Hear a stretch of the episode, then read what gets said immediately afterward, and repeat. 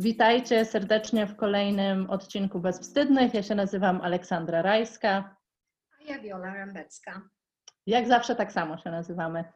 W dzisiejszym odcinku będziemy mówiły o zmęczeniu. Będziemy mówiły trochę o tym, w jaki sposób patriarchat nas męczy. Zacytujemy jedną z naszych słuchaczek, która napisała do nas list, a także pomówimy o tym, co to znaczy żyć w stanie traumy. Więc słuchajcie i e, ja, słuchajcie i, i odzywajcie się.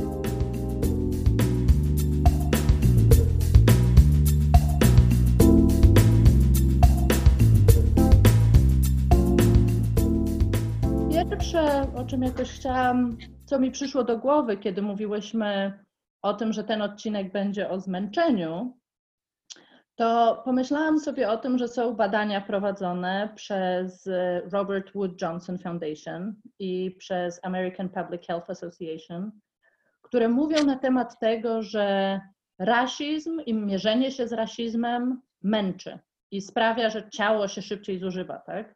Że choroby serca są dużo y, częstsze u osób, które się mierzą z rasizmem, że różne objawy starzenia są dużo częstsze. I pomyślałam sobie o tym, że kobiety też mierzą się z patriarchatem, mierzą się z czymś, co je zużywa, co nas zużywa, i że te emocje jakby wpływają na nasze ciało. I znalazłam nawet e, w Women's Health e, w artykule z 2013 roku, napisanym przez Alison Goldman, badania e, Amerykańskiego Instytutu Zdrowia, że kobiety między 18 a 44 rokiem życia dwa razy częściej niż mężczyźni mówią o zmęczeniu. I mówią o zmęczeniu, które właśnie wynika z tego, że mierzą się z systemem, który można powiedzieć działa przeciwko nim. Więc nic dziwnego, że często i sama mówię o tym, jak bardzo jestem zmęczona, i słyszę od swoich koleżanek, jak one są zmęczone. Tak? E, na naszym Instagramie kilka tygodni temu umieściłyśmy takie zdjęcie, które mówi, kobieta śpiąca i ma na koszulce napisane kobiety potrzebują więcej snu, bo patriarchat męczy. Ale coś w tym jest i nasze ciała też to odczuwają. Odczuwają to bardzo intensywnie, szczególnie ostatnio w kontekście pandemii, y, w kontekście takich globalnych zmian, które następują i dotykają, dotyczą wszystkich. Wszyscy jesteśmy zmęczeni.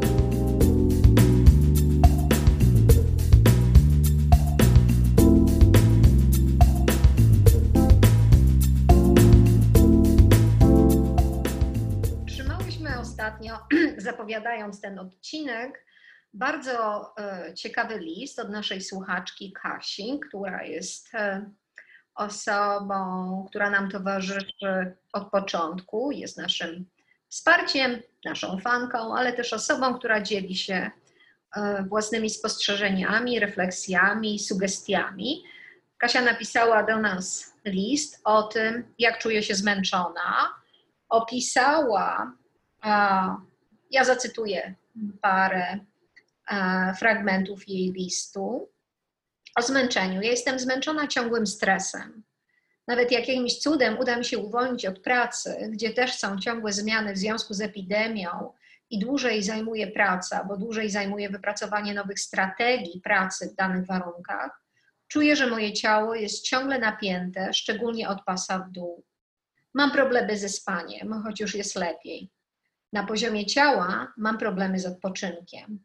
Boli mnie ciało od napięcia. Czuję się przestymulowana emocjami i stresem. To jest bardzo taka precyzyjna, bardzo precyzyjny opis tego, jak nasze ciało reaguje, kiedy jesteśmy pod wpływem bardzo intensywnego stresu, jak reagujemy fizycznie, oczywiście psychicznie, ale fizycznie na stres, którego nie potrafimy i nie możemy rozwiązać. Sytuacja koronawirusa jest związana z tym, że jesteśmy w permanentnym zagrożeniu. Nie mamy wystarczającej wiedzy na temat wirusa, o tym już wspominałyśmy parę razy. Ta sytuacja jest zmienna, fluktuująca, nie ma jednoznacznej szczepionki, nie ma leczenia, które by zapobiegało, czy, czy w pełni zapobiegało rozprzestrzenianiu się. To jest też choroba związana z zagrożeniem życia. W związku z tym nasz lęk, który stymuluje stres, czy nasze ciało, które reaguje na stres, jest w permanentnym stanie zagrożenia. My to nazywamy takim stanem, my, czyli terapeuci, nazywamy, nazywamy to takim stanem a, reakcji na traumę, czyli stanem ucieczki albo walki. I pozostawanie w takim stanie przez dłuższy czas e, powoduje fizjologiczne zmiany w naszym organizmie, też w naszym mózgu. I to jest niezwykle ważne, żeby uczyć się samego siebie i wiedzieć, że w jakiś określony sposób, tak jak Kasia na przykład wspomniała o tym, że ma problemy ze spaniem wtedy, kiedy ten stres się przedłuża i żyje w takim nierozładowanym napięciu, bo nie da się go za, za rozładować w taki prosty sposób. Jak pomagać sobie fizjologicznie i w tym sensie też psychologicznie, żeby radzić sobie z sytuacją stresu. Ja bym powiedziała głębiej, z sytuacją traumy. Sytuacja. No właśnie, a dlaczego, dlaczego myślisz o tej, tak? Bo czasem mam wrażenie, że używamy słowa trauma, tak? Czasem mówimy o traumie przez duże T, traumie przez małe T. W jaki sposób ta sytuacja, w której teraz jesteśmy, sytuacja pandemii, sytuacja tego, co się dzieje, tak? U nas w Nowym Jorku też jakby dodatkowo to jest sytuacja, w której są protesty, y, ale w ogóle myśląc nawet o pandemii, tak, też y, o czymś, co jest bliskie naszym, naszym słuchaczom i słuchaczkom, w jaki sposób to jest trauma? Jak, jak ty o tym myślisz? To jest sytuacja traumatyczna dlatego, że żyjemy w zagrożeniu śmiercią. Y, I ta śmierć nie jest metaforyczna, tylko realna. Oczywiście jest różnica w odbiorze z perspektywy Polski. Oczywiście my inaczej to percepujemy, e, pracując, mieszkając, pracując w Nowym Jorku, pracując też bezpośrednio z osobami, które są narażone na zakażenie albo są zakażone, bo też tak przecież pracujemy. W związku z tym sytuacja, której obcujemy z realnością śmierci, i nie jest to w wyniku e, czegoś, co jest takim naturalnym procesem, ale wiąże się z czymś zagrażającym w taki nieprzewidywalny w jakimś sensie sposób i zagrażający e, mm, konsekwencjami, też w związku z takim, w, ta, w takim kontekście, że nie ma strategii, które by to ogarnęły, to jest, to jest trauma, to jest takie doświadczenie traumatyczne, związane, no bo zagrożenie życia jest, jeżeli oczywiście bierzemy pod uwagę, czy mówimy o sytuacji, w której to nie jest naturalny proces, tylko wynikający właśnie z czegoś, co się dzieje zewnętrznie i na no. co nie mamy do końca wpływu, bo nie mamy. Ja, ja też tak sobie myślę, jakoś tak hmm, myśląc o, o tym jakby jak jak rozmawiałyśmy poprzednio, tak, też o, o, pandemii, tak, i też jakby o stratach pandemii, ja tak sobie myślę, że myślenie o śmierci to jest coś takiego, co e, w, każdej, w każdym z nas jest, tak, ale udaje nam się rozproszyć innymi myślami, żeby nie myśleć o tej śmierci, tak, żeby gdzieś się z tym nie konfrontować cały czas. I, I takie momenty, w których gdzieś też się konfrontujemy z tym, to też mogą być momenty dużo większego zmęczenia, ponieważ wtedy gdzieś jakby, można powiedzieć, wspinamy się pod górkę, pod górkę czegoś, e, czego normalnie unikamy. I naturalną reakcją i psychologiczną, i fizjologiczną jest unikanie śmierci, unikanie sytuacji, w której śmierć jest realnym doświadczeniem. To jest naturalne, no bo mamy, ja bym powiedziała, psychoanalitycznie, nawet po freudowsku, popęd życia, zwycięstwo. Nikt tu nie jest przeciwko Freudowi. To dobrze. Popęd życia, życia zwycięża. Chcemy kierować e, naszą energię ku życiu i ku rozwojowi. Tymczasem pandemia konfrontuje nas z realnością śmierci, nie w takim naturalnym właśnie procesie życiowym, tylko niespodziewanie związanym z tym, że nagle może to życie zostać przerwane.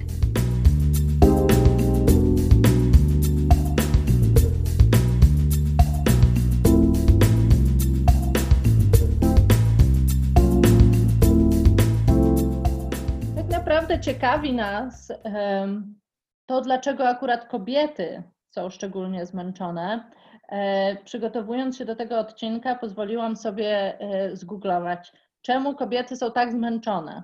I trafiłam na artykuł napisany przez John Kim, e, lekarkę psychiatrę w Psychology Today. I ona w tym artykule wspomina o kilku rzeczach, które zwróciły moją uwagę. Ona mówi o tym, że kobiety od dzieciństwa są uczone tego, żeby zajmować się innymi ludźmi, żeby potrzeby innych ludzi zawsze były ważniejsze niż ich własne potrzeby. I że to jest dodatkowe obciążenie, które kobiety niosą, tak? I które niesiemy też jakby dla wszystkich, dla ogółu, dla całej społeczności naszej, tak? A druga rzecz, o której pomyślałam, o której ona wspomina w oczywiście innym kontekście, ale kontekst ob- obecny i kontekst pandemiczny jakby mi też był bliski. Ona mówi też o tym, że jakby miejsce pracy, praca w ogóle, tak, to jest jakby coś takiego, co zostało stworzone dla mężczyzn przez mężczyzn. I że kobiety, mimo że od lat pracują bardzo ciężko, to cały czas jakby gdzieś muszą się mierzyć z tym męskim środowiskiem, tak? Ze środowiskiem, które jakby nie jest dla nich i nie jest przystosowane jakby do nich i do ich potrzeb, tak? Nie tylko w taki sposób, że jakby kobiety bardzo często są, jakby ich potrzeby są pomijane w pracy, tak? Ale że jakby gdzieś mierzą się jakby z taką formą, która nie została tak naprawdę pomyślana z, jakby z myślą o nich. E, Tutaj przychodzi mi do głowy taka anegdota, tak? Ale kiedy się przeprowadza testy takie bezpieczeństwa na samochodach, tak? Każdy z nas widział takie wideo rozpędzonego samochodu, który wjeżdża na ścianę, tak? I tam te manekiny, poduszki wybuchają i w ten sposób się testuje, czy samochód jest, jest bezpieczny. Wszystkie te manekiny to są mężczyźni. W związku z tym żaden samochód nie jest przetestowany na kobiety. Żaden samochód nie jest przetestowany na to, czy ta poduszka jest dobra dla kobiety, która być może ma mniejszą wagę ciała, jest niższa, ma inną budowę, ma biust, tak? Więc trochę o to mi chodzi, tak, że jakby rzeczywistość, w której jesteśmy, to jest coś, co jest testowane raz po raz na mężczyznach, a kobiety jakby gdzieś muszą sobie z tym radzić po prostu, tak? Mhm. To jest męczące. Mhm. Ja do tego dodam taką realność, e, o której słucham od, e, od pacjentów, od pacjentek, które mają w tej chwili dodatkowe wyzwanie, e, żeby w jednym czasie e, ogarniać pracę zawodową w takim mm, w takiej rzeczywistości, w jakiej jesteśmy w tej chwili w Nowym Jorku, jesteśmy ciągle w takim shelter in place, czyli w, pozostajemy w domach i pracujemy zdalnie i e, osoby, które, kobiety, które mają rodziny, muszą również radzić sobie z dziećmi. Mam taką pacjentkę, która ma sześcioro dzieci i pracę zawodową. Słuchanie o tym, jak ona próbuje ogarniać tą rzeczywistość na małej przestrzeni, bo Nowy Jork charakteryzuje się tym, że nasze mieszkania w większości nie należą do dużych, mówiąc pewnie pewnym skrótem metaforycznie.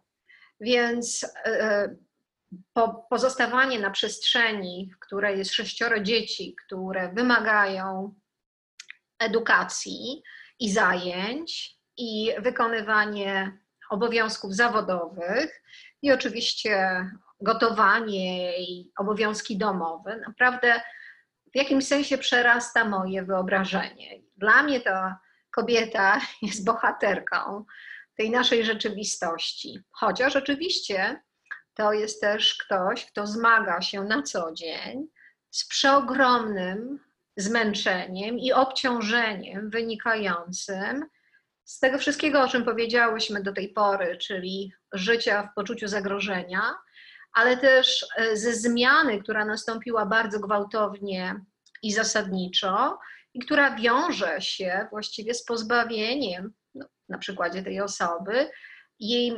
możliwości rozładowywania napięcia i stresu w sposób, który sobie tam na przykład wypracowała wcześniej, chodząc na przykład na jogę.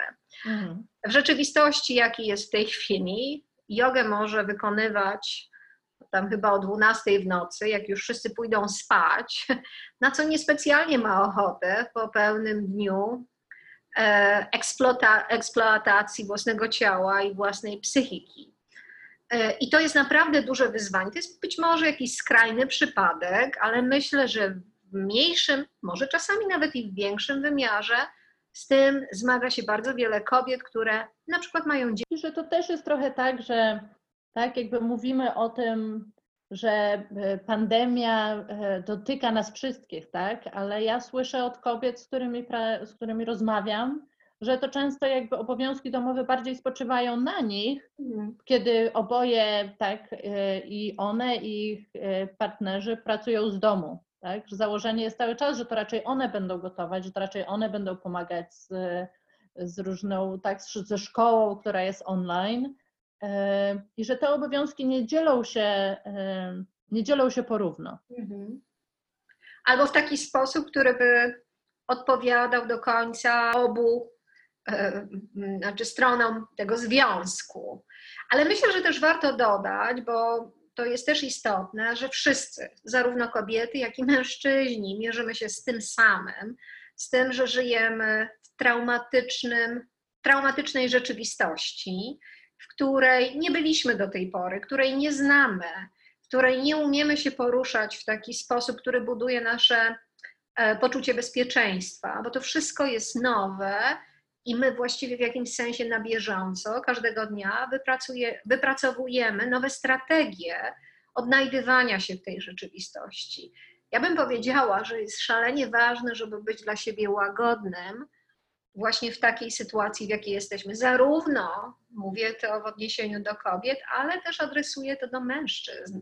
E, e, Ja tak się zastanawiam, tak nie jesteśmy, nie jesteśmy tu od radzenia, ale gdybyśmy miały radzić coś na zmęczenie, to co byśmy radziły?